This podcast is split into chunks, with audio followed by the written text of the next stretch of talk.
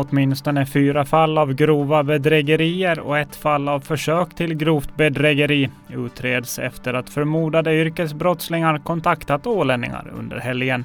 Polisen Tommy Törnros, som är förundersökningsledare och kommissarie, berättar att det enligt deras uppfattning sammanlagt handlar om drygt 200 000 euro som bedragare har eller försökt komma över. Mariehamnstad har lämnat in ett besvär till Högsta förvaltningsdomstolen angående planerna för Rönnbergs torg. Det här är andra gången som Mariehamn för ärendet till Högsta förvaltningsdomstolen. Ålands hushållningssällskap väntar på tillstånd från landskapsregeringen för att få genomföra en studie med virtuella stängsel på två åländska gårdar i sommar. Samtidigt pågår polisens förundersökning av hushållningssällskapet. Det här eftersom landskapsveterinären i fjol polisanmälde projektet. Polisen meddelar att förundersökningen pågår och man planerar för hur man ska gå vidare i ärendet.